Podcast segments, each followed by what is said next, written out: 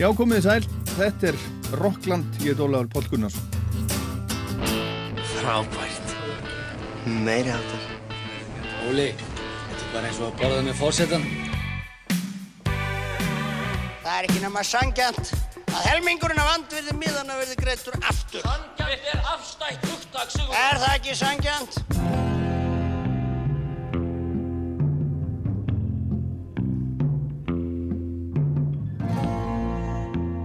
Í setni hluta þáttarins heyrum við aðeins í Rufus Wainwright sem að heldur tónleika í Silfurbergi í Hörpu sunnudaginn eftir rétta viku. Ég spellaði við Rufus fyrir nokkru dögum og John Grant verður sérstakur gestur á tónleikannu hjá honum, hítar upp eins og sagt er, en aðalpúðrið í dag fer í ABBA.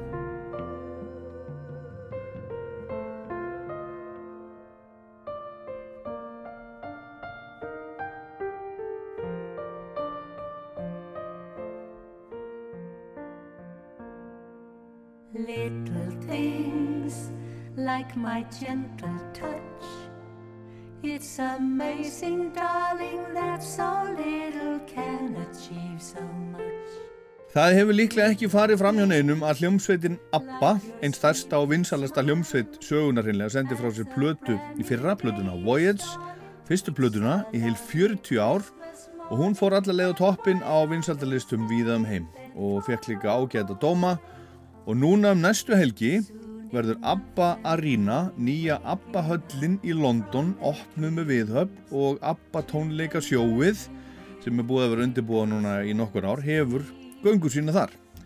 Og að þessu tilöfni bauðst mér stutt viðtal, símaviðtal við hann Benny úr ABBA, Benny Andersson í Eurovision vikunni, spjallum við saman þá og við töluðum um Eurovision, ABBA höllina, sjóið, hljómsveitina sem að verður á sviðinu þjóðlaga tónlist og hvers vegna höllin væri ekki í Stokkólmi, við tölum um nýju plötuna og ímislegt fleira. Heyru það hérna á eftir en fyrst skulum við rifja upp brotur viðtali sem ég átti við Svönu Gísladóttur frá Akranesi en hún er búin að vera að vinna náið með þeim Björn, Benny, Agnetu og Önnu Frít að þessum ABBA eða að þessu ABBA Voyage verkefni í fjögur ár, plötunni og, og ABBA höllinni og, og sjóinu Hún er búin að vera þar að vinna sem svona framkvæmda stjóri eða, eða uh, prodúser, framleiðandi. Við töluðum saman í september í fyrra. Ég er búin að vera framlegandi í, í mörg, mörg, í 20 eitthvað ár, Já, já. síðan ég var þryggjára, greinlega, en hérna, það er framlegandi þýðir margt og, og mikið, en í þessu samengi þýðir framlegandi það að ég uh, fór á fund með Benny, reynda bara Benny fyrir, uh, þetta var í júni 2017, Wow. en mæi 2017, og byrjaði þar, þannig ég er búin að setja þetta saman Já, frá byrjun. Og það sem gerist í svona ferli eins og allir sem að vinna í, í listsköpun, ef við höfum að kalla þetta listsköpun, vita að, að það er listferli. Þú ferð í ferli, þú ferð af stað og þú ferð hingað og þangað og snýr tilbaka og, og byrjar upp á nýtt. já. En, þe en þetta er búið að vera þi þitt aðalstarf, bara ABBA þitt aðalstarf undanfærin ár. Já, Án þess að mig að segja nokkur um neitt. nei. Er það ekki erfitt? Ég, ég, jú, það er erfitt að, að, að þú getur ímyndar að þetta sé svona eins og lest eða trukkur eða, eða fjall sem Já. að þarf að, flytja eitt skref áfram á hverjum degi. Já, Þá er erfitt að flytja svona stórt verkefni áfram á þess að geta ta- sagt fólk hvað það er. Því ég er með hérna, bókasafna, af- við kallum þetta NDA, hvað er á íslensku, Non-Disclosure Agreement, að þú skrifar undir svona jú, jú. Já, já. Já, og, og ég er búin að vera svona að ápareita á þeim svolítið mikið en, en jú, jú, ég meina, en ég er vön því að, vinna svona, ég meina, ég vann með David áður en hann lést og, og, og það Já, var já. Mikið, mikið starra lendamál heldur en þetta í, í rauninni, sko, en Já. þetta, ég, já, já, ég er alveg vön þessu. Eru þið ekkert að reyna að ná í því í leini þjónustunni? Nei, Ha. það er verst, hvað meinar þau? 008, Svana Gísla.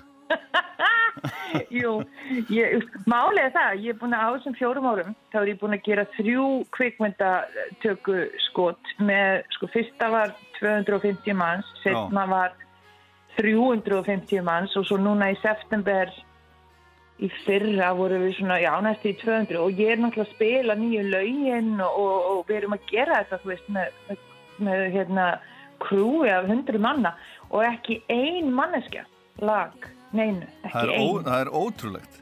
Já, Alveg, Já, það alveg, alveg ótrúlegt. En hérna, en hvers vegna eru þau að, að, að, að gera þetta núna? Ég meina, ég er búin að, er sko fylgjast með bara fjölmjölum undanfarið 40 ár. Það hafa alltaf verið að koma einhver, einhver svona, veist, tilbúð að fá þau til að koma saman og túra og eitthvað svona. Þau hafa alltaf sagt, nei, okkur er, eru þau að gera þetta núna eftir öll þess ár.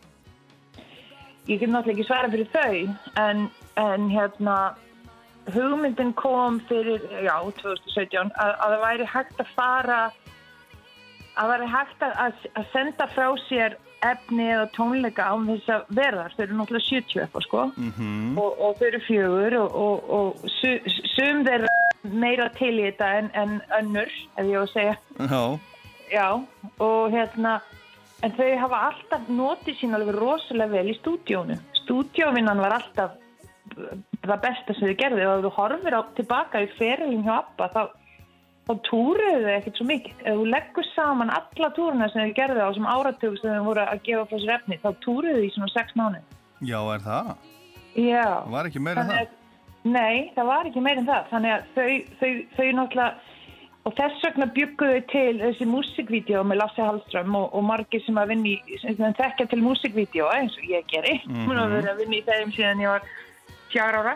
Þá veitum við það að Lasse Hallström Abba músikvídeóin eru svona hérna uh, grunnur allra músikvídeó sem koma að, þekkja allir þessi vídeo Já, ok. og þau gerðu þessi vídeo af því að þau gátt ekki túrað þau voru eignast börn og, og, og, veist, e, e, voru ekki langað ekki að vera on the road sko. já, já. En svo voru þau náttúrulega líka gift. Það voru tvö, voru tvenn hjón, þetta er svolítið sérstætt.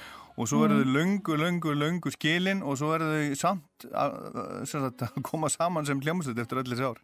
það er svo undarlegt að, að, fólk haldi þessi skrítið sko, Björn og Agneta voru gift og eiga saman hérna börn og, og þau hafa aldrei verið eh, svo veist, þau eru búin að vera í sambandi alla tíð síðan, þau eru bestu vinnir Mm Þau- og ég veit að að músika, eh, að þetta er músík hérna út af státur þá þekkja þínir hlustandir að þú hlustar á lög eins og Winner Takes It All og, og, og svona þá, þá náttúrulega er þetta lög um skilnað.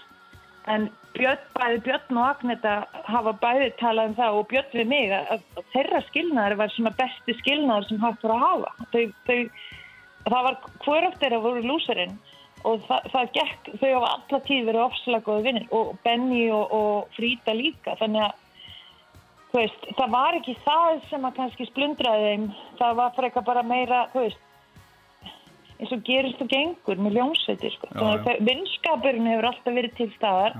Og, og ég var svo ofbóðslega lánsum að þarna 2017 eins og ég sagði þér, það fór ég á fyrsta fundi tveim vikum setna fór ég á fyrsta fundin með stelpunum og ég fattaði ekki að ég var að lappa inn í studio session já, Þannig að já. ég lappaði inn í studio session með Agnetu og Frítu og og Björn á degi nummer tvö þegar Vá. þau eru að taka upp þessi lög og ég sit eins og bjáni á einhverjum sófa inn í hérna mix, mixrúminu og þær eru á inn í, inn í hérna að taka upp bókalana og Já, já, ég er svona býtti, ég á ekkert að vera hér Já. hvað er ég að gera hér? já, þetta er ABBA.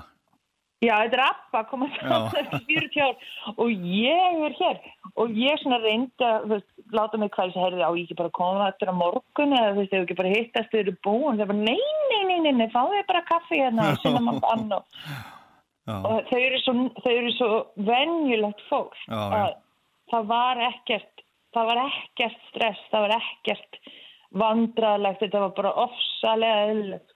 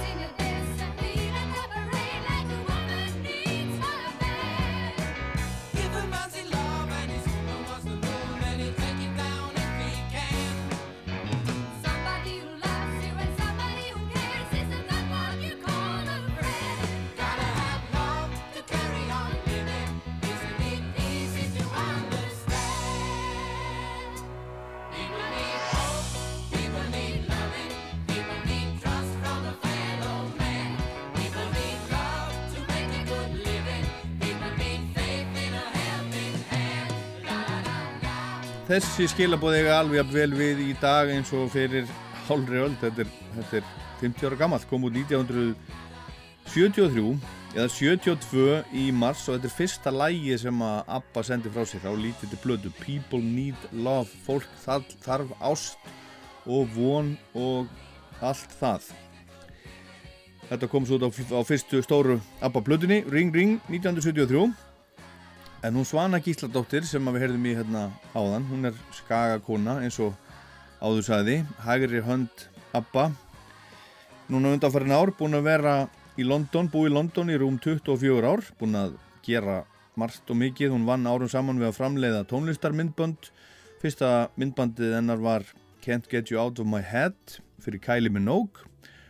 Og hún var sér að stýra upptökum á því og síðan hefur hún unnið við gerð myndbanda með til dæmis Radiohead, Björk, Oasis, Coldplay, Rammstein, Adele, Rolling Stones og svo framvegis. Og hún ákvaði þegar hún var að þegar hún var búinn að vinna með David Bowie að síðustu myndböndunum hans, Black Star og Lazarus að hún ætlaði ekki að gera fleiri tónlistamyndbönd eða fleiri tónlistatengdverkefni og ætlaði að standa við það þanga til samstagsmaðurinnar Jóhann Renk ringdi hana dag eitt fyrir nokkrum árum og spurði hvort hún væri til í að vinna með ABBA að verkefni sem að væri á frumstígi og í raun ekkert nema hugmynd. Og hún sló til og er búin að vera nánasti samstagsmaður ABBA þessi tæpu fimm ár sem liðin eru frá þessu þessu símtali. Og nú er þetta allt saman að verða að veruleika, hún er komin út ABBA platan, Voyage kom út í fyrra og ABBA höllin er sagt, að, að opna með þessu ABBA sjói um næstu helgi. Við skulum heyra aðeins meira af, af spjallin okkar svönu frá því í september í fyrra. Upphaflega átti þetta að vera, eða, eða þú veist, hugmyndin hún var upprunalega, þetta átti að vera, vera túr eða ekki? Túr og, og, og plata, eða, eða bara túr? Bara túr, engin plata. Platan kom ekki fyrir en, platan kom ekki fyrir en bara, núna bara fyrir rúmlega ári. Já, er var aldrei það? verið plata. Já, já, þetta átti bara að vera, þetta átti að vera, við vorum að, skoða möguleika allir að tala um þetta hologram. Aha, Við erum ekkert að gera holograms. Holograms er þetta Peppa's Ghost, veist, þetta gamla magic trick þar sem þú setur sko 3D ímynd inn í einhver svona glas píramíta. já, já, Þú setur á sviðið, þetta er eitthvað lit, lítið og það reyfist ekki neitt. já, Það, það er hundleðilegt og eftir þrjármyndur þá nennur ekki að horfa á það meira. Þannig að við parkuðum því, Aha. við sagðir ég myndi sletta. Nú ertu farin að sjá eftir Já, að já, allt í- ei, allt í leið, allt í leið. Þú ert búin að búa í London í 20 ár. Fyrir, 24. fyrirgefið, fyrirgefið, 24 ár. við pörkuðum því og ég, við hugsaðum hvernig getum við gert þetta án þess að vera að, hvernig getum við gert þetta sem þau eru á sviðinu Lík, þú veist, að, að reyfa sig og, og geta blandast við hljómsveitina sem þau eru að spila með og eitthvað svona og þegar við föttuðum að það væri sjans að gera ég maður það kom út Star Wars mynd, mannstu, hérna, sem að ILM sem er núna VFX fyrirtækja okkar, Industrial Light and Magic sem George Lucas setti upp í, á, á 1970 eitthvað fyrir Star Wars. Að það var að byrja að þróa þessa motion capture tækni. Mhm, það sem að þú tekur upp sem sagt, leikara með alls konar hérna, punta á andlitinu og, og fullt af kamerum og svo, og svo tekur þessar upplýsingar sem þú tekur úr, úr hérna, motion camera myndavélunum færi þar inn í tölvu og animatar sem sagt, real life manneski og þetta var gert í, í, í Star Wars og hlustendiðinir sem að veita meira um Star Wars en ég getur öruglega öskra út að það er þessari mynd og þetta sko já. En- Og, en það var og, og myndina Avatar líka náttúrulega. Til dæmis. myndina af að þau voru náttúrulega blá þau voru ekki manneskir Já, já, já, en það, var, það, það er þessi sama, sa, sama tækni. já, James Cameron í Avatar byrjaði á þessu motion capture þau voru blá og þau voru svona eins og þau var í svona, ef þú horfið það núna eins og þau gerðu svona geli.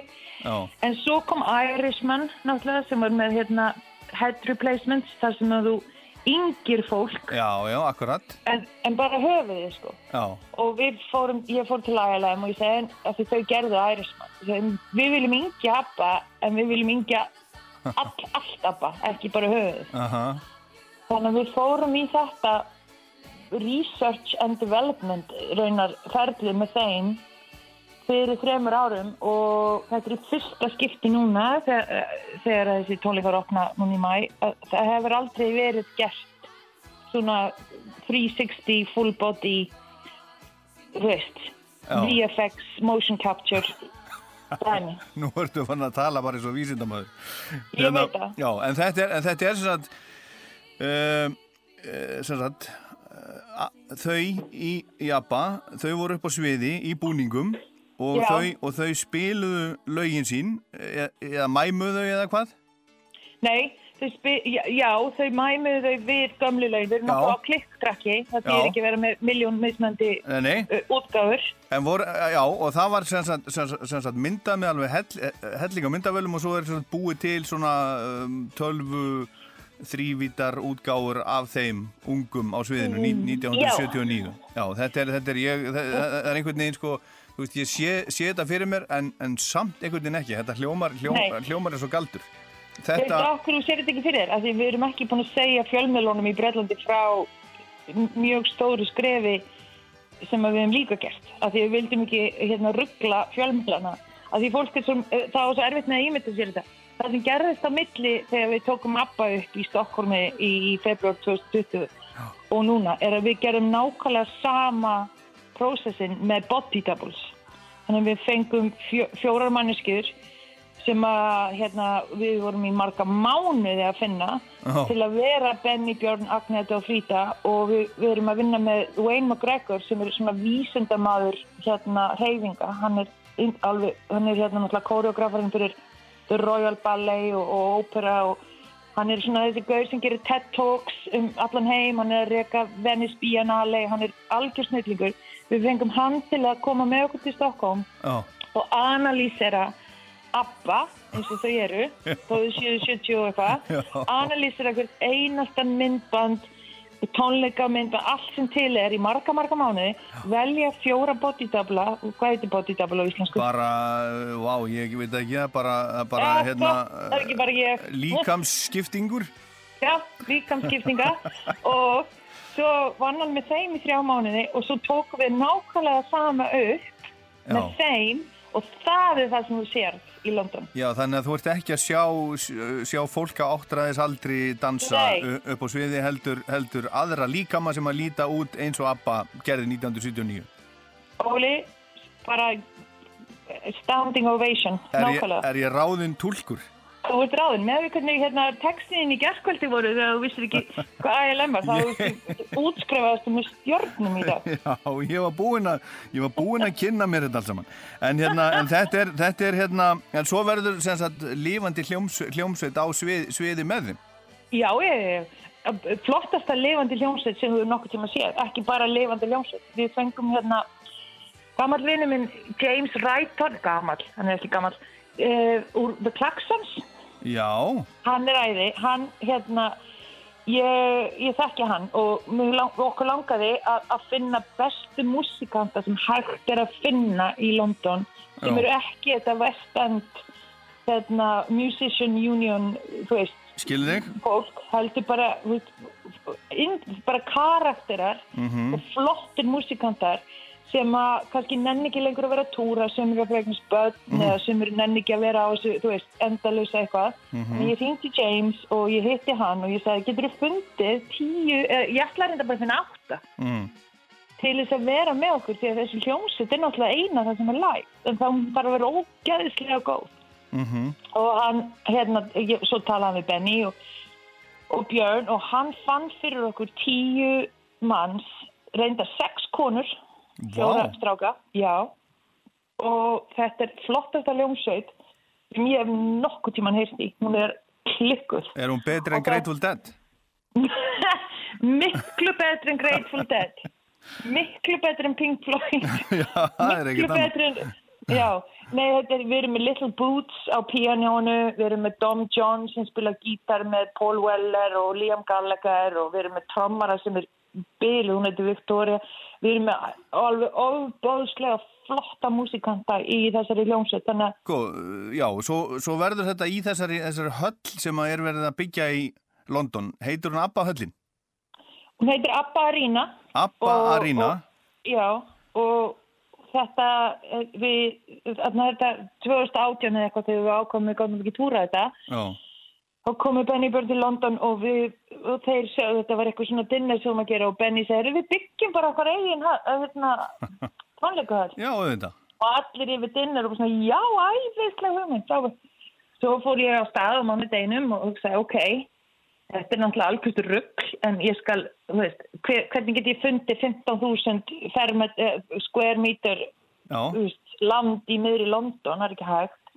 Já, en ég komst í, í samband við borgarstjóran eða skrifstofans og, og bara sömu viku voru komið þrjár mismunandi hérna þrjá mismunandi Staði. þrý já, staði. Já, og þessi var í Olympíu hérna garðinum. Já, og við erum að byggja það núna sem að En, en fólkið sko sem er búið að vera að vinna þar, að byggja þessa höll, hefur það ekkit vitað hvað það var að byggja? nei, Það er ekkit annað. nei, það var engin vita. Og, og ekki heldur fólki sem býr við hliðina á höllinni sem verið er að byggja. Nú, nú, það veit heldur ekki hvað það er verið að byggja. Það er enginn búin að vita það, ekki neitt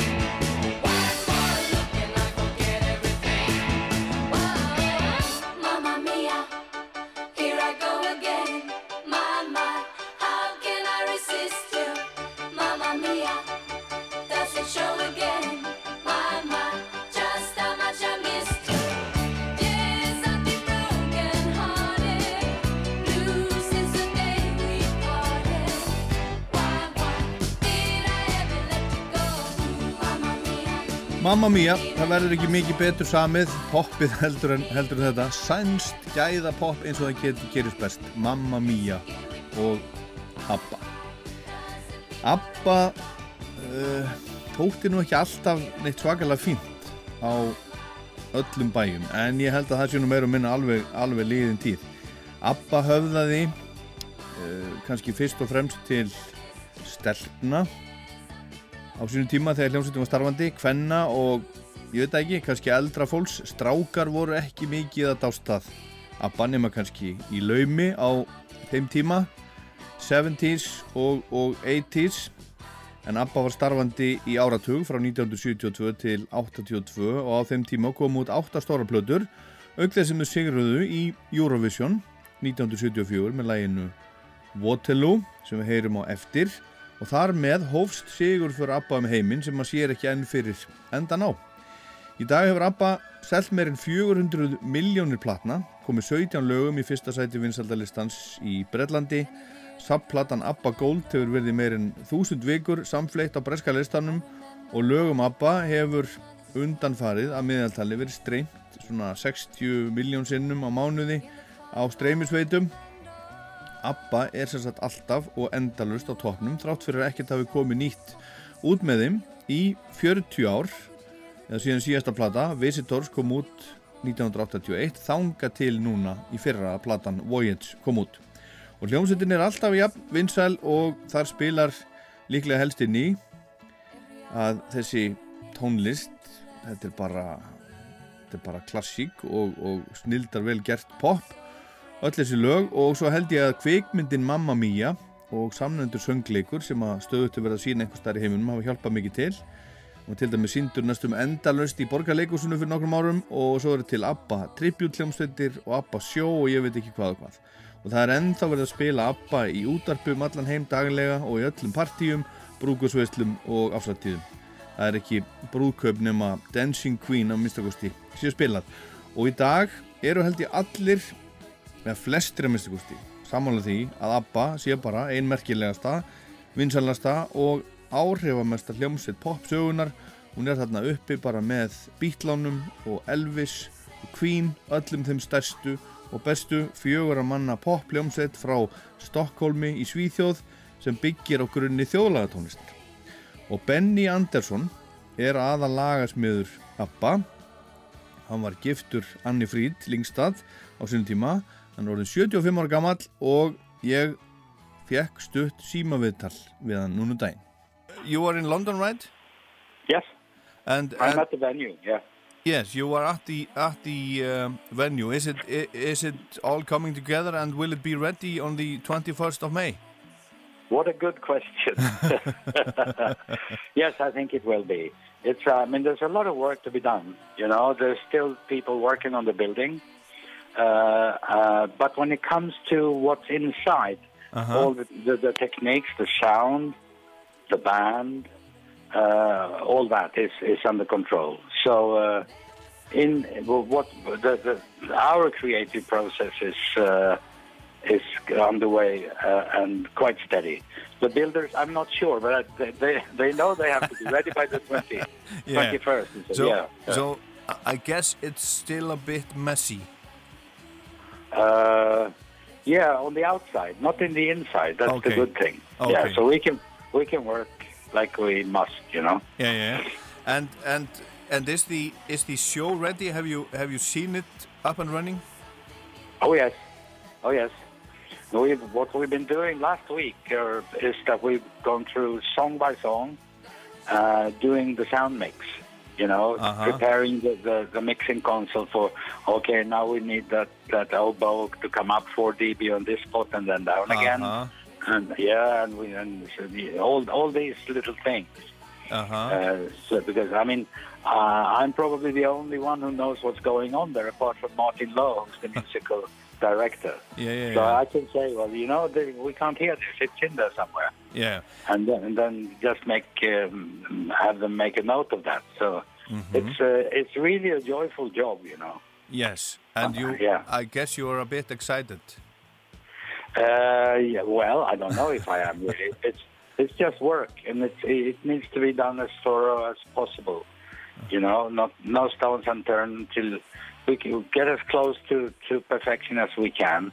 But it will never be perfect, of course, because the good thing there's a live band, Yeah. and you know, and and uh, and it's an excellent band with with uh, fantastically great musicians. Uh, but uh, anyway, you know, one day a deputy comes in, or one another day something. It's it's it's alive, and that's the good thing about it. Yeah. And and and what about the the um, singing? You know, is it is it new voice tracks or are you using the the old We're using we're using old tracks. Okay. Yeah, So it's some some there's some new, but uh, basically old tracks. Yes. Já, þetta verður allt saman klárt sem sagði Benny Andersson þá var verið að vinna í þessu í þessu öllu, byggingunni sjálfri þegar við tölum saman fyrir rúmri viku það var allt klárt inni en aðeins meira svona uh, óklárt úti en líklega er þetta allt saman orðið klárt og frábært í dag og varandi sjóið sjálf þá var allt klárt eða verða klárt og það síðasta sem þau voru að gera var að fínu sér að hljóðmixið en þar er að mörgu að huga en, en spennandi og, og skemmtilega starfsaðan og þetta er sjó með stóru lifandi bandi á sviðinu, tíu manna band og söngurinn er sagt upptökin, orginal söngurinn af upphaflegu plötum.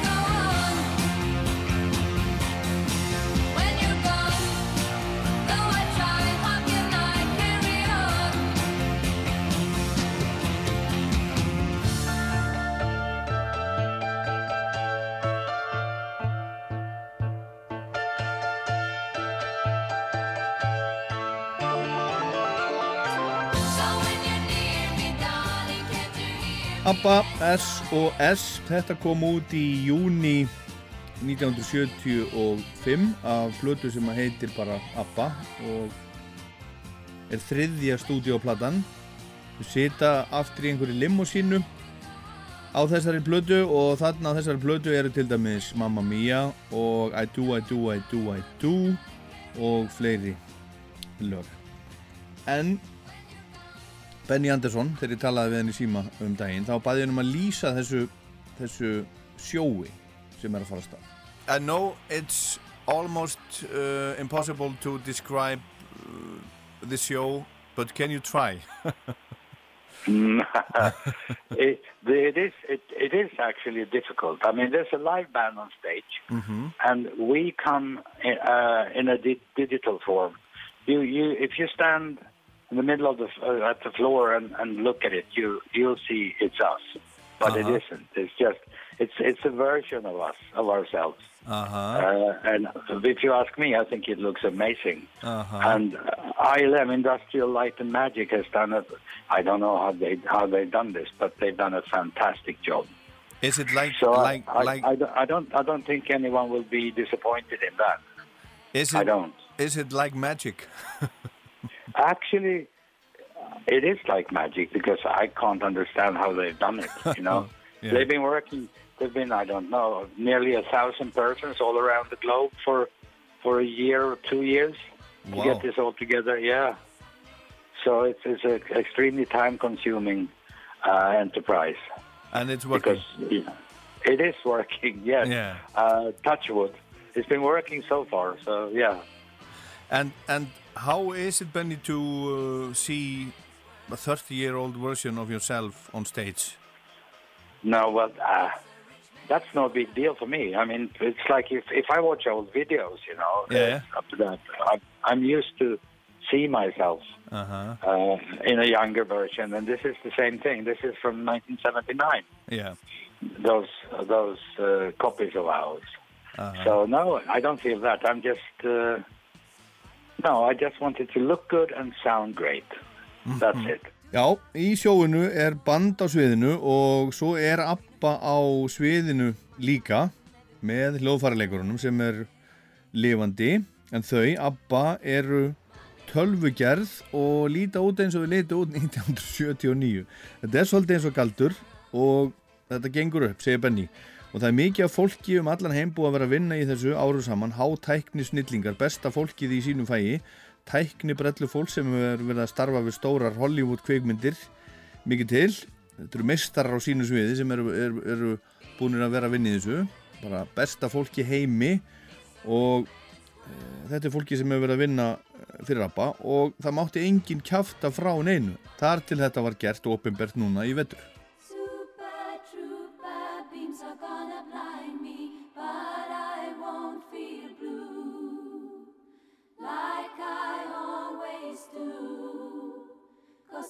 in the crowd there's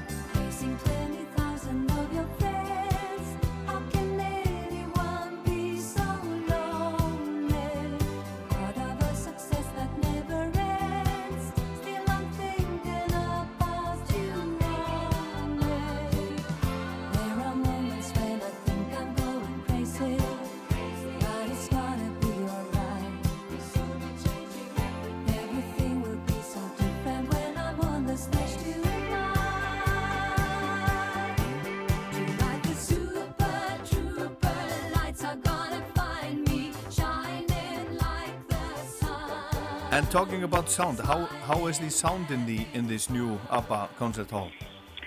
Uh, for me, it's the best sound I've ever heard Wow. in, a, in, a, in an arena. Uh, uh, also, I mean, there, there's an Australian guy, Scott, who's designed the, the, the sound system. We have like 290 speakers, whatever it is.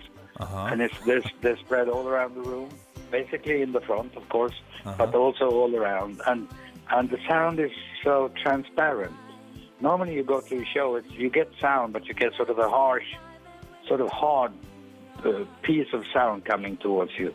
This is sort of, yeah, it's transparent and it's sort of loud, but it's soft at the same time. It's it's extremely good. So we we are lucky there. I think no one will complain about that part. Maybe maybe some people will say it's too loud, but then it's good. How many songs are, are in the show and how did you choose them? Uh, I think the 20 or 21. I'm not sure now. uh possibly 21. Yeah, we we choose them like I don't know three and a half years ago because they needed to know exactly, and we needed to know in which order to put the songs because what's happening now is not changeable. At least uh, not in, in two weeks. If we want to add another song in a year or so, we can possibly do that. But it's then it's going to be a lot of work again. Yeah, yeah, yeah. So we, we decided a long time ago that these are the songs that we'd like to play.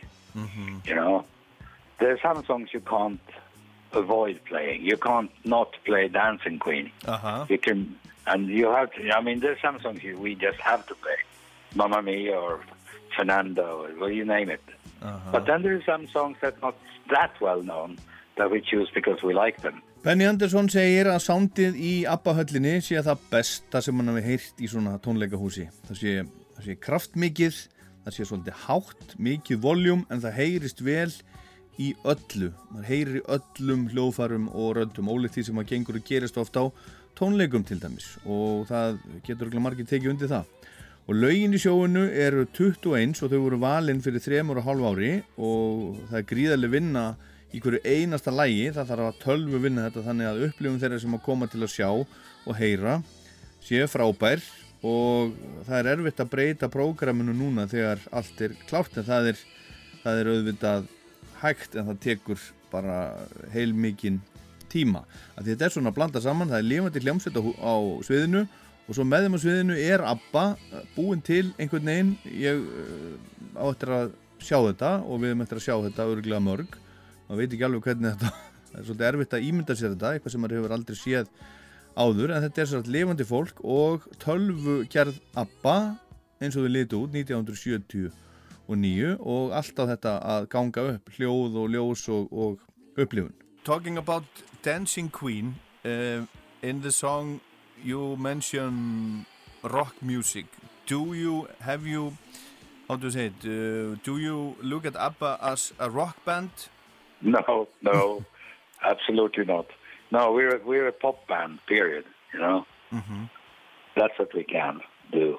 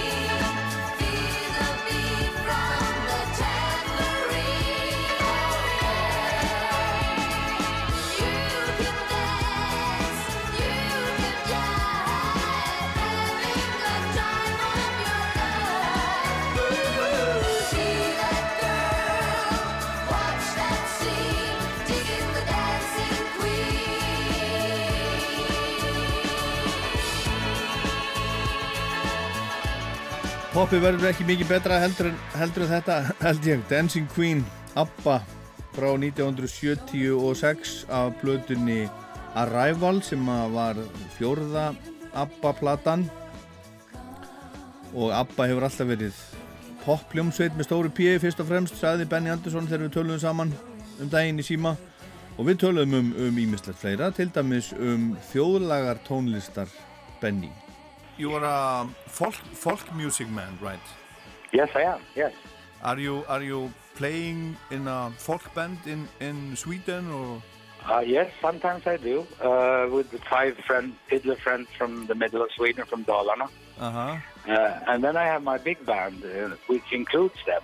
Yeah. Uh, so, so uh, yeah, I do. Well, it's been a while now. We haven't been out for like uh, because of the, the COVID situation. We haven't been out for two years. Uh-huh. But we'll probably come back maybe next year, not this year because I have too much to do with with the the, the Voyage show here in London, Uh-huh. and I think I'll go home and have a rest this summer. But maybe next summer. Yeah. Yeah. And maybe maybe come to the hometown town of of um, of uh, your producer Swana. Yeah, maybe. it would be nice. I've never I've never been to Iceland at all. So Why not? Would be, would be I don't know. It never just never happened. You know. Yeah. You are very you are very welcome. You have a lot of fans in, in Iceland, of course. Yeah.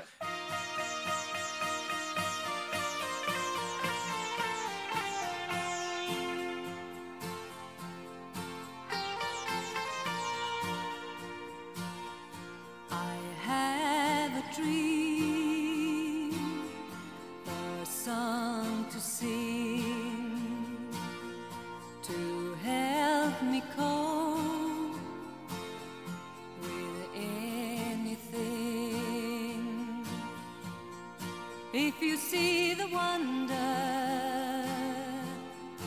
of a fairy tale, you can take the future, even if you fail. I believe in angels, something good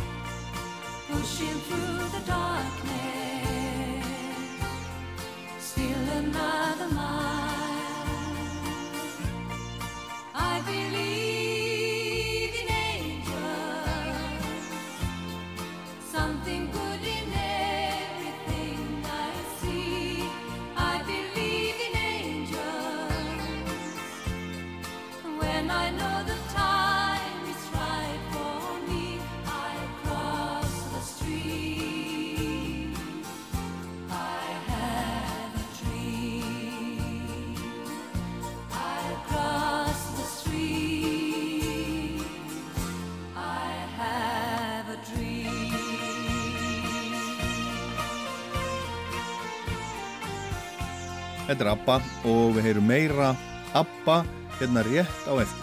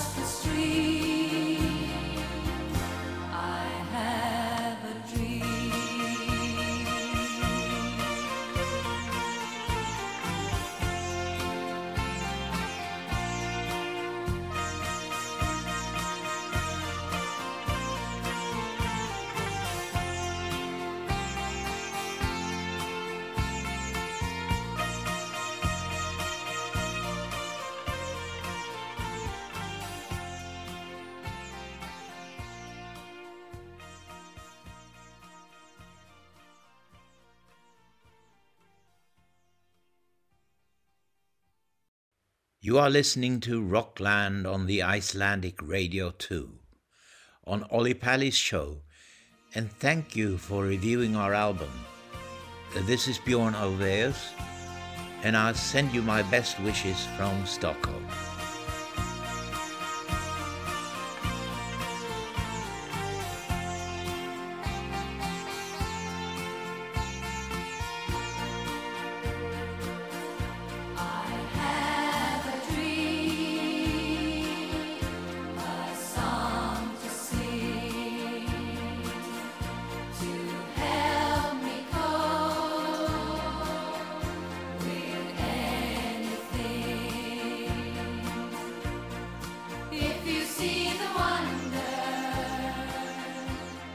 Þetta er náttúrulega ekkert annað en bara þjóðlaga tónlist með þessu undir, undir grískum áhrifum. Þetta er I Have a Dream frá 1979 af blötunni Voulez-vous. Og þetta var mikill smellar á sínum tíma, var ekki í fyrsta sæti, heldur í öðru sæti á breska listanum þarna eh, fyrir jólin 1979 og þetta kom svo út með Westlife 1999 og fór þá á, á toppin í Breitlandi meðal annars. En Benny Andersson var hérna áðan að tala um að hann væri í lítilli þjóðlaga hljómsveit og svo annari stærri sem að inniheldi þá sem eru með honum í þjóðlaga hljómsveitinni þetta er, þetta kemur allt, hann er þjóðlaga tónlistar maður folkmusik maður í grunninn. Og hann var að tala um það en hann er aldrei komið til Íslands og ég sagði hann að hann var í hjartalega velkomin og, og sérstaklega núna þar sem hann er búin að vinna þessi undanfærin ár með Sönu Gísladóttur Skagakonu sem er framkvæmda stjóri alls þessa ABBA verkefnis búin að vera að vinna í þessu alveg síðan 2017 þetta er búin að vera hennar aðal starf síðan 2017 Why is this ABBA arena not in, in Stockholm? And what do the people in Sweden say about this happening in, all, all in London? I don't know what they're saying. the reason we the reason we choose London is because it's it's a it's a capital of entertainment. You know, people travel from all over the world to go to the West End to go see theaters, uh, to see plays or musicals, and they go to football and they go to concerts, and so it's a, it's a steady stream of tourists wanting to do things when they come to London. So we said it must be the right place. And we like being here. It's not so far from Stockholm, so it's quite easy to travel back and forth. Yeah. And uh, there's a big premiere ahead. Who will be at the at the premiere? Uh, a lot of I don't know. famous people. I don't think so. I don't know. But I mean, we'll be there. The four of us will be there. And uh, that's famous enough, I hope. Uh huh. I don't know who's coming. Yeah, I do, but uh, yeah, yeah. okay. How Okay. how many shows a week will it be? Seven. Seven, a week. seven Seven a week, but there, there'll be uh, two matinees. Uh, so it'll be for sort of uh, working, a five-day work, but seven shows. Wow. Which is, yeah, well, you know, we, we the avatars can do a hundred shows a week. Yeah, yeah, yeah. Of The course. the, but the crew and the band can't. Yeah. So seven, seven shows a week, it's it's quite normal here in London, Yeah. in the West End. Yeah. Yeah. And in the band, it's the it's the same people every night, or what? We, I hope so, for as long as possible. We have deputies, of course. Someone gets ill or hurts a, a hand or something. So yeah, we have we have extras to, to come in if something goes wrong. But yes, I hope the band will be intact for as long as possible because they're wonderful. Yeah. Mm-hmm. Yeah. Good band. And and do you, you know, have uh, how is the plan? Do you do you uh, look ahead and think it will last for, you know, years, decades? This is some. This is something we don't know. I mean, this is a thing. This, it's a, it's a huge experiment. You Uh-huh. know, we don't know. We don't know. We'll see what people think when they come, and, and if they like it, yes, we can run for a long time. Mm-hmm. If they don't like it, we'll run for a short time. so uh, yeah, that's life. yeah. So no, no one can predict what's going to happen. Mm-hmm. But we've, I think we've sold like 370,000 tickets, which will be enough for like four four months or something. Mm-hmm. So, so then we'll see. hope for a good word of mouth. That's all we can do.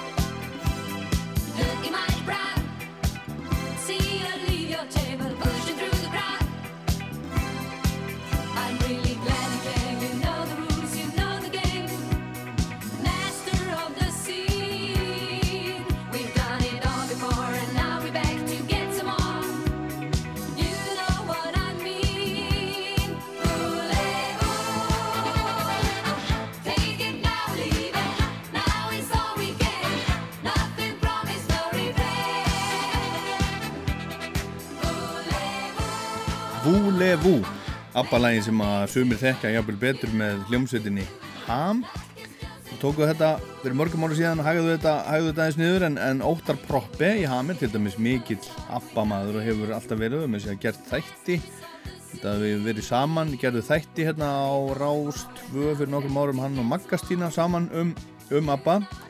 En þetta er af sjöttu Abba-plötunni sem að heitir Vúlevú eins og, eins og lagið 1979 en London er höfuborg skemmtana og aftreyingar í Európu, segir Benny Andersson og þess vegna er Abba höllin risin í London, segir hann. Og hann sagðist ekki vita hvort það er eitthvað frækt fólk á frumsýningunni um, um næstu helgi. Þegar þegar ég spurði í það og hann hlóaðins en það, hann sagði að þau yrðu allavega þar Abba og vonandi dugar það sagðan en það verður rauðu dreigill og, og allt á svona, svolítið, svolítið glamúr mér skilst að svenski kongurinn verði þarna til dæmis. En þetta verða, þegar þetta fyrir gang sjö sjó eða sjö tónleikar sjó á viku. Og það er svona cirka normal fyrir svona síningar í London segir hann, sjö síningar, sjó, fimm daga vikunar og þetta er tónleika sjó, ég veit ekki alveg hvað er þetta að kalla þetta annað heldur en það og hann segist vona fólki sem er í bandinu verði með þeim sem lengst. Þetta sé frábært band, tíu manna lifandi band með þeim. Tölvu gerðu abba líkamningunum. Veit ekki alveg hvernig þetta verður en ég hlaka til, ég er að fara að sjá þetta um næstu helgi. Það að fara stór hópur af fólki frá Akranesi, ég segi seg ykkur frá þessu, þessu betur þegar þetta er afstæðið. En Benny, hann segist vona að þetta muni lifa lengi, auðvitað, hann segir að þetta sé tilraun, það er eftir að koma í ljós hvort fólk verður hrifið af þessu ekki. En þegar við tölum við saman var búið að selja 370.000 miða cirka fyrir fram, það eru svona fjórir mánuðir fram í tíman og svo fer þetta nú líkast til á flug þegar það búið að frumsýna og opna. Að minnstakosti trúi ég því. Það verður þannig að minnstakosti ef þetta virkar. Ég hef fulla tróði en ég spjallaði við Benny 50 daginn fyrir úslitakvöld Eurovision og ég spurði hann hvort hann hefði hort á undankeppnina á þriðjudeginum þegar Ísland kefti langaði að fá komment á, á sýstutar, Betu, Siggu og Elínu. Did you watch Eurovision on, on, on Tuesday? No, no, I didn't. So you do, do not uh, watch that every year? No, I don't. I don't. Especially not the semifinal. Oh. I sometimes I, wa- I watch the Swedish finals. Uh-huh. You know, that's that's fun. But I, I I don't know. I'm not so keen on keen on Eurovision. When is it this this year? What is the final on Saturday? Or Yes, yes. Yeah, we'll see. So you are not e- even aware of that? No. The, No. the, the great Eurovision Song Contest winner. Yeah, well, that was uh, it's been a while. It's Yeah, 48 it's- years ago. Yeah, yeah. yeah.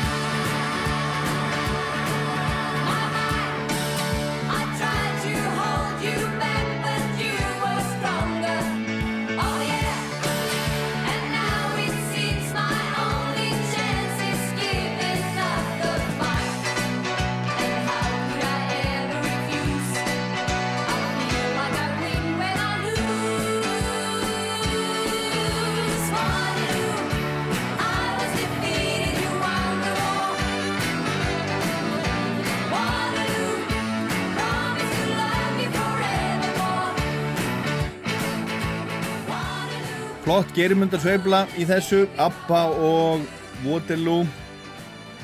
Þetta er af annari plötunni sem heitir líka Waterloo. Þetta, þetta er lagið sem þau segruðu með í Eurovision árið 1974 fór á, fór á toppin á vinsaldalistum viða um heim og náði inn á topp 10 í, í bandaríkjónum og svo hefur þetta verið valið svona Eurovision lag nummer 1 til dæmis á 50 ára amali keppninar árið 2005 og svo í fyrra þá var þetta sett á toppin líka. Euphoria með Loreen lett í öðru sæti og Heroes með Men's Selverlöf í þriðarsæti en hann Benny Andersson úr ABBA, hann sagðist ekki vera svo hrifin af Eurovision yfir höfuð og hann horfir alls ekki alltaf á keppnina, alls ekki undan keppnina en hann sagðist að hafa fylgst með úrslitum söngakeppninar heima í Svíþjóð vissi ekki einu sinni að úrslita keppnin aðal Eurovision kvöldið væri eftir, eftir tvo daga þegar, við töluðum saman. Það er langt síðan við unum saman og ég hef ekki sérstaklega mikinn á þessu. En ég spurði hann Benny um lagarsmíðar hvernig semur hann? How do you write? How is the process and, and has it always been the same? No, it, well, it hasn't always been the same. And in the early days, Bjorn and I were sitting together. Uh-huh. I played the piano, he played the guitars. But for the past, I don't know, 30 years at least, Uh-huh. I've been uh, writing on my own. So, so uh, yeah, well, I sit down, I, I go to work every day, like 10 to 5 thing. Mhm. And I sit there and I try to, I try to be creative, which doesn't happen often, but sometimes it happens. And if I'm not there, it's not going to happen. That's all I know. So I, I'm, I'm very disciplined. So I, I, I give it a try every day. Okay. And, Yeah. and, and what comes first, music or lyrics? Oh, music. I don't write lyrics. Bjorn writes the Yeah, lyrics. yeah, yeah, yeah, yeah. Yeah. So if I have a song for my band, for example, I, I send it to him and say, do you want to write a lyric for this? And, and so far he always says yes. so, yeah, yeah. okay good Yeah. good good good and and uh, and in the in the in the early days of the of the old albums how how did you you know how did you choose the musicians that that played with you on the on the On classic records? on the classic uh, records yes No, well, well, we were, we were. uh, It started with someone knew someone who knew someone, and we had ourselves a, the drummer and the bass player and the guitarist. Mm-hmm. Uh, and we then we started to work, and it worked very well. The, the only guy that changed but we had another guitarist after after two records. We had uh, Janne Schaffer from the beginning, and then we have a guy called Lasse Welander. Uh-huh. Otherwise, the bass player was always Rutger Gunnarsson, and and the drummer was Ola Brunkert, but he uh, he passed away. So so we have uh, had another guy, uh, Per Lindvall, who's been with us since. They're also playing on on on on uh, on the new record on ABBA Voyage.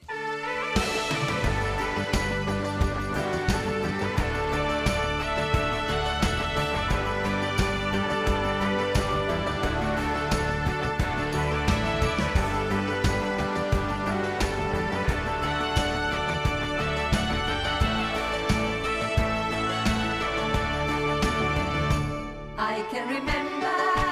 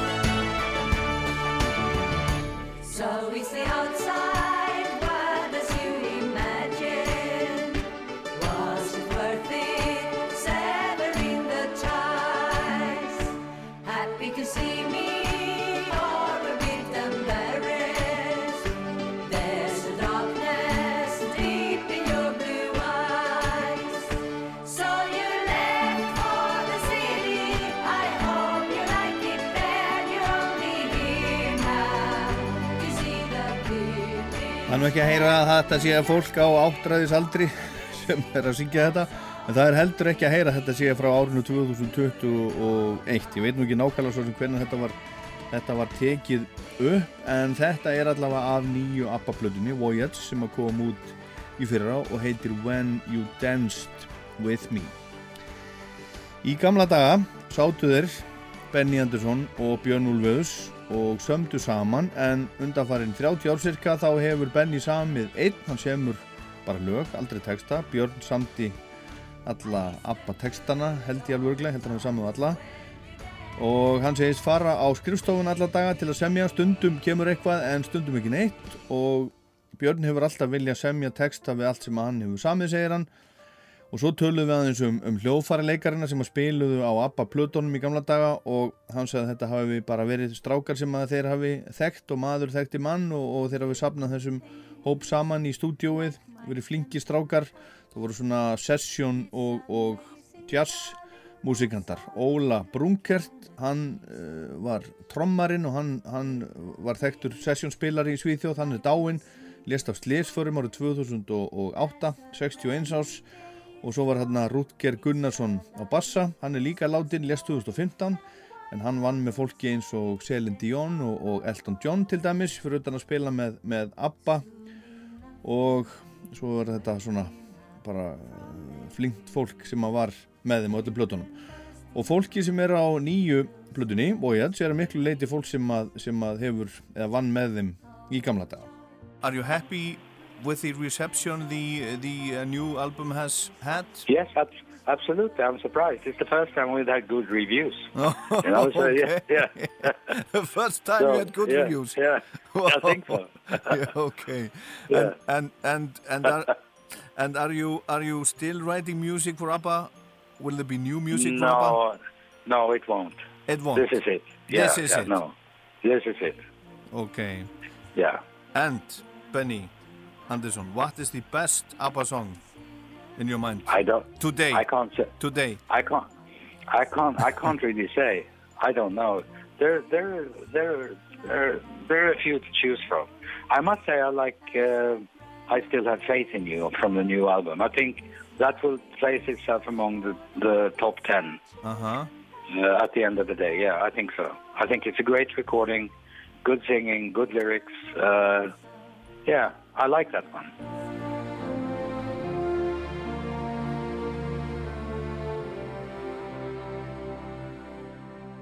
I still have faith in you. I see it now. Through all these years, that faith lives on. Somehow, there was of heart and mind the likes of which are rare and oh so hard to find. Do I have it in me? I believe it is in there. For I know I hear a bittersweet song in the memories we share. I still have faith in you, and I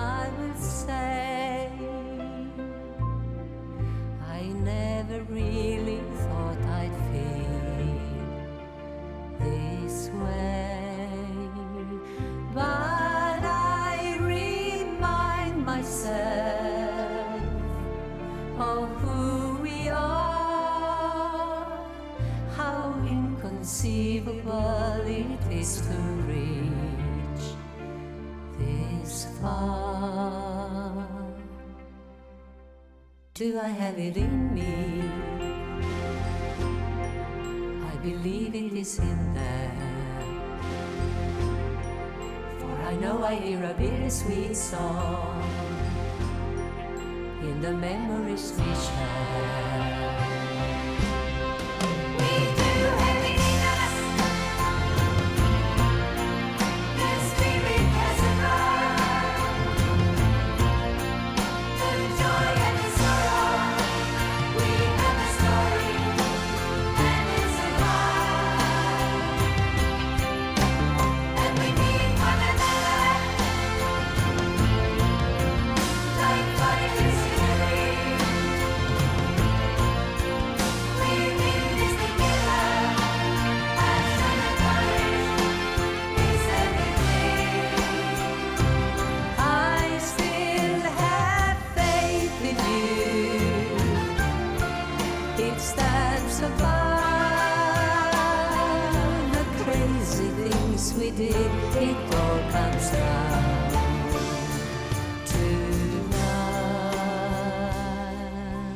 Þetta lag af nýju ABBA-blutunni hefur talsvættur spila hérna á Rás 2 I Still Have Faith in You. Þetta er e, gott lag sagði Benny Andersson góðu texti, vel sungið fínt lag segir hann og jafnvel bara eitt af tíu bestu ABBA-lögunum í sögunni. En hann er ánæði með, með viðtökurna sem að platan hefur fengið og hann segir í fyrsta skipti þá, þá fengum við góða gaggrinni þegar hún kom út en hann sagði líklega væri þetta nú komið. Það kæmi ekki meiri músík. Þetta er það síðasta sem að ABBA gerir nokkuð tíma, aldrei meir. En hvernig ákveðir hver syngur hvað, það eru náttúrulega tvær frábæra söngunur í ABBA Anna Fríd og, og Agneta. Hvernig hafa þær ákveðið gegnum tíðina hver syngur hvað? Eða þau, hvernig hafa þau ákveðið það? No, we'll play it to the girls, and then we say what. Well, they they can decide. They say, I like this one, or I like that one. We try to we try to, to, to spread it out evenly, so they have equally uh, many songs to sing. You know. Yeah. Yeah. One last question How is working with the best Icelander in the world? Oh, that's wonderful. She is Svana is Svana is a star. you know, there she is, and she's working together with Ludwig, who's my son, Uh-huh. happens to be and they they're they're a good team, and they've been working closely together for years now, and they they they have everything under control. I'm very very proud for them both. Fantastic! Thank you very Thank much you. for your for your yes. time. Uh, yeah, pleasure and, talking and to you. Pleasure, okay. and and have a nice day. Thank you very very much. Thank you. Bye. Bye bye bye bye. Bye.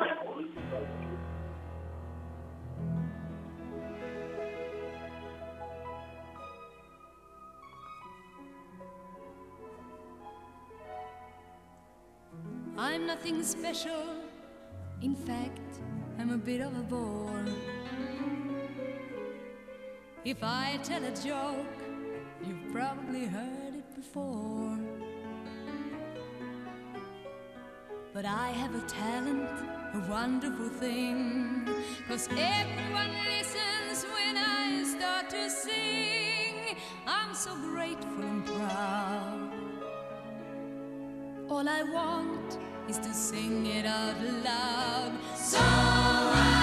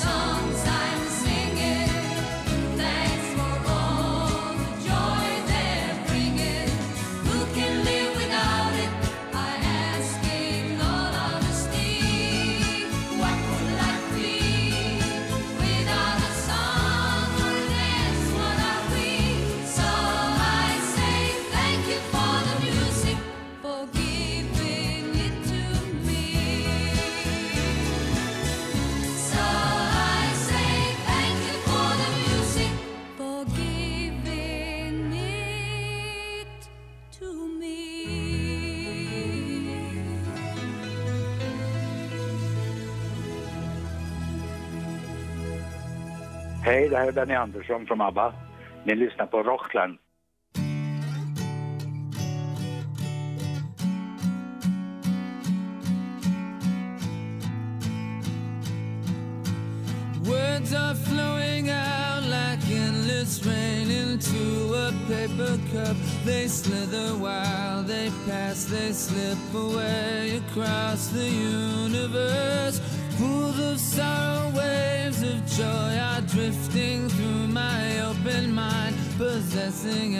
caressing me.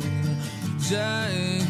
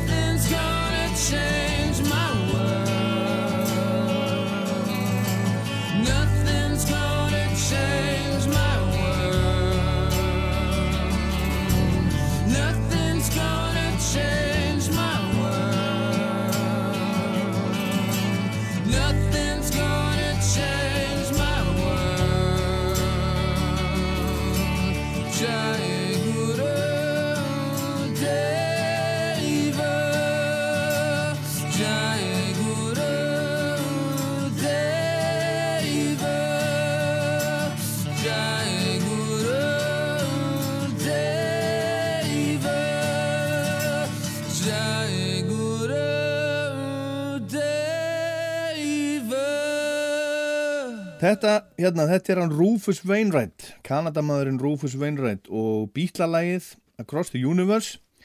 Hann tók þetta upp sérstaklega fyrir kvikmyndina I Am Sam á sínu tíma en núna sunnundaskvöldi 29. mæ eftir rétta viku heldur hann tónleika í Silfurbergi í Hörpu og John Grant er sérstakur gestur, opnar tónleikana. Rufus er litríkur tónlistamæður sem hefur gefið út tíu plötur með eigin popmusík en hann hefur líka samið tvær klassískar óperur og tekið þátt í fjölmörgum samstagsverkefnum með öðrum listamönnum, sami kvikmyndatónlist og snarað sonnettum Shakespeare's yfir í tónlist. Síðasta platan hans kom úr 2020, Unfollow the Rules og hann fikk Grammy tilnefningu fyrir hann, hún var, var tilnefnd sem popplata ásins.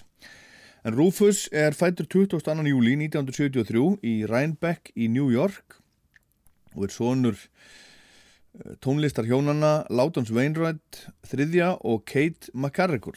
Fóreldrarnir skildu þegar hann var strákur og hann ólst upp hjá móðu sinni í Montreal í Kanada.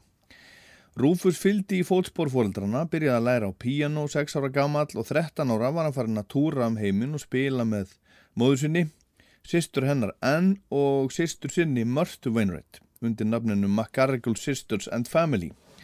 Þegar Rufus var 14 ára var hann tilnæmdur til kanadísku tónlistavælununa Juno Awards sem bjartast af One Canada og síðan hefur hann hlotið alls konar tilnæmningar og unni til veluna og sungið með fjölda fólksinn og alls konar plötur. Og hann snýri sér að svona einskonar dægur tónlist í kringum tvítugt og þegar hann var 24 ára útnemdi tímariti Rolling Stone hann efnilegasta tónlistarmann sinnar kynsluðar. En um svipaleiti 1998 kom fyrsta platan hans út, platan Rufus Wainwright. Hann hjælt tónleika í Háskólabíói í Reykjavík 13. apríl 2008 og þeir tónleikar eru til í safni Rásar 2 heyrum brota þeim hérna á ettir hann var hérna í 2-3 daga fór og skoðaði Gullfoss og Geysi til dæmis og eitthvað fleira svona túristatengt en nú er hann að koma sér þetta aftur 29. mæ og á tónleikunum verður hópur af aðdáundum sem koma sérstaklega til landsins til að sjá hann og, og vera með í svona Rúfus Veinrætt veistlu, hátíð, fólk úr aðdáundaklubnum hans hérna og þaðan úr heiminum og John Grant ætlar að hita upp eins og það er gallað, opna tónleikana, byrja Og í næsta þætti eftir viku á tónleikadag ætla ég að fjalla vel og vandlega um Rufus Wainwright en við skulum heyra smá brot núna úr viðtalinu sem ég átti við hann um daginn. Are you, are you doing, you know, uh, the show here in Iceland, will it be a solo show or are you bringing a band? Yeah, well, it's not, it's not quite solo. It's I have a couple of musicians coming with me, and um, so we're going to do a selection of uh, material, uh, whether it's you know my own songs or I also have like a Judy Garland album that's coming out um, Okay. in June to celebrate her 100th birthday. Mhm. So I imagine we'll do a couple of those songs, and then um, yeah, no, the show I'm bringing to Iceland is very uh, it will be unique. Okay, will so be so unique, so it, so it's not like one of the shows that you're doing in in Canada. In Can no, no, no, it isn't. No, it's uh, Okay. it's, it's, And why- It's, uh, it's especially tailored for you guys. Why and why is that?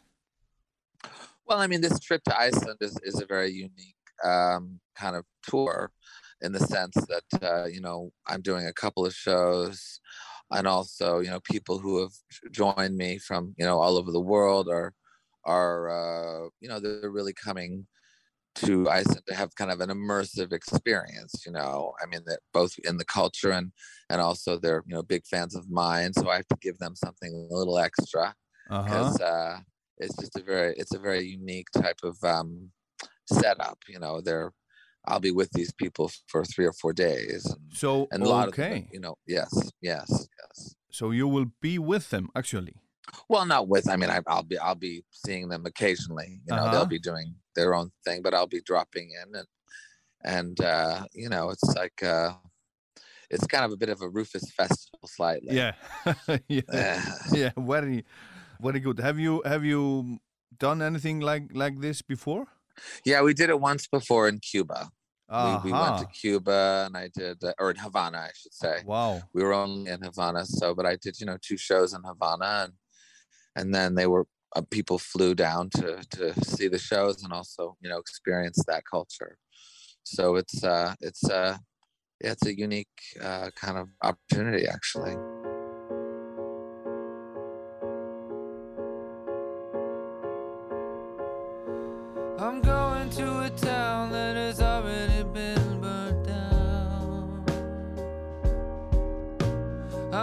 To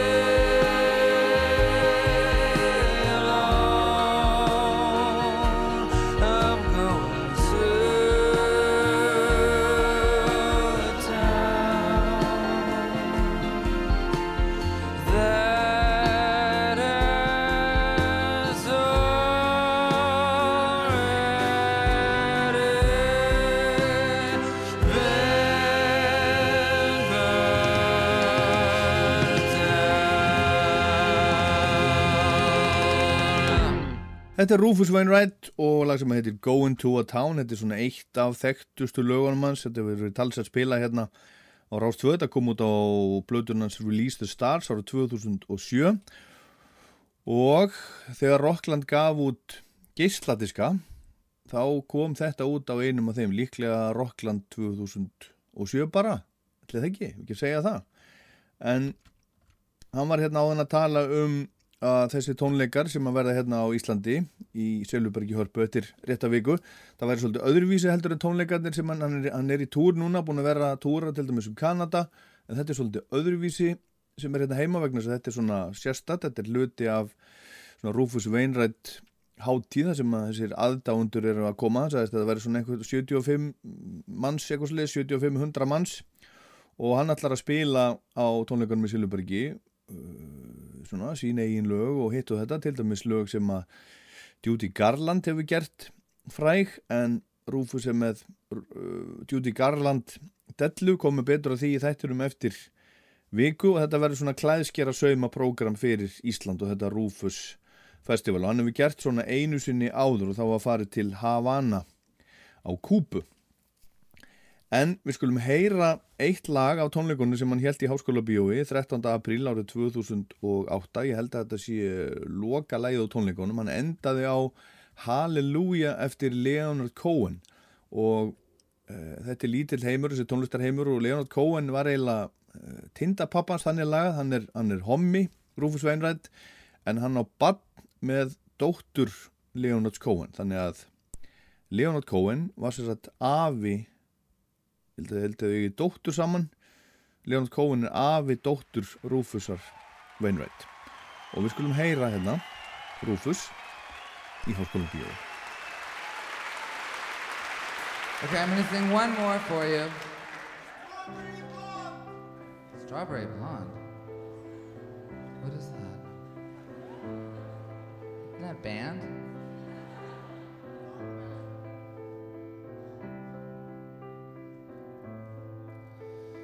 Heard there was a secret chord that David played and it pleased the Lord, but you don't really care for music, do you?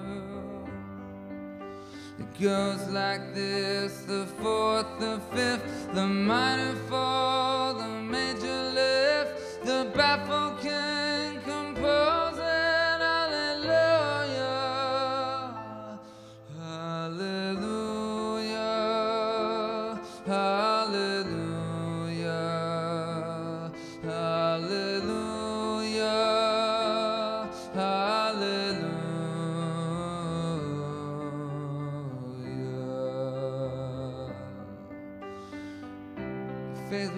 but you needed truth. You saw her bathing on the roof, her beauty in the moonlight overthrew you. She tied you to a kitchen chair. She broke your throne. She cut your hair. And from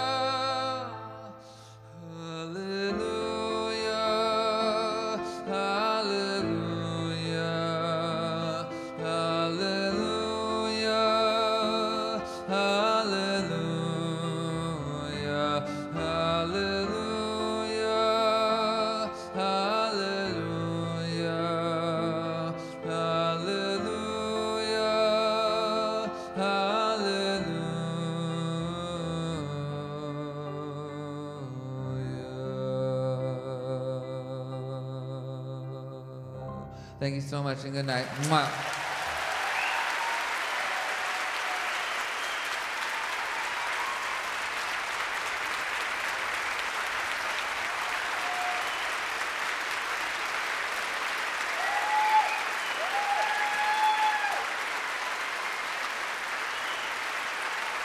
Þetta er flott, virkilega flott Halleluja eftir Leonard Cohen Rufus Wainwright sem verður í Silbergi hörpu, sunnudaginn eftir viku meira af Rufus Wainwright þetta er Rocklandi þá, miklu meira. En ég sagði á hana að uh, hann ætti bann með dóttur Leonard Cohen og við tengjum þetta þannig saman að, að við endum á Leonard Cohen sjálfum. Tónleiku upptöku úr lögadagsvall frá 1988 þetta er upptaka frá ríkisútarpinu en ég sá að þetta var þetta var komið, það er búið að gefa þetta einhver staðar út, ég veit ekki hvort að það hefur verið löglega gert eða hvað en þetta er allavega til útgefið þetta er frábær upptaka sem að tæknimenn útarsins gerðu á sínu tíma. Og ef ég man þetta rétt þá voru þessi tónleikar liður í listaháttíð og við bara endum hérna á upphafi tónleikana Dance Me to the End of World. En ég minni á Rockland á netinu podcast á Spotify til dæmis eða þar sem þið náðu ykkur í podcast. Og svo mæli ég auðvitað með líka Rockland mæli með lagalistanum sem er á Spotify sem þið getið tjekkað á og hlustað á og fyllt ef ykkur líkar þar sem þið heyrið og svo uppfærist listin alltaf í byrjun hvers mánadar en þetta var sem sagt Rockland, ég heit Ólafur Páll. Takk fyrir að hlusta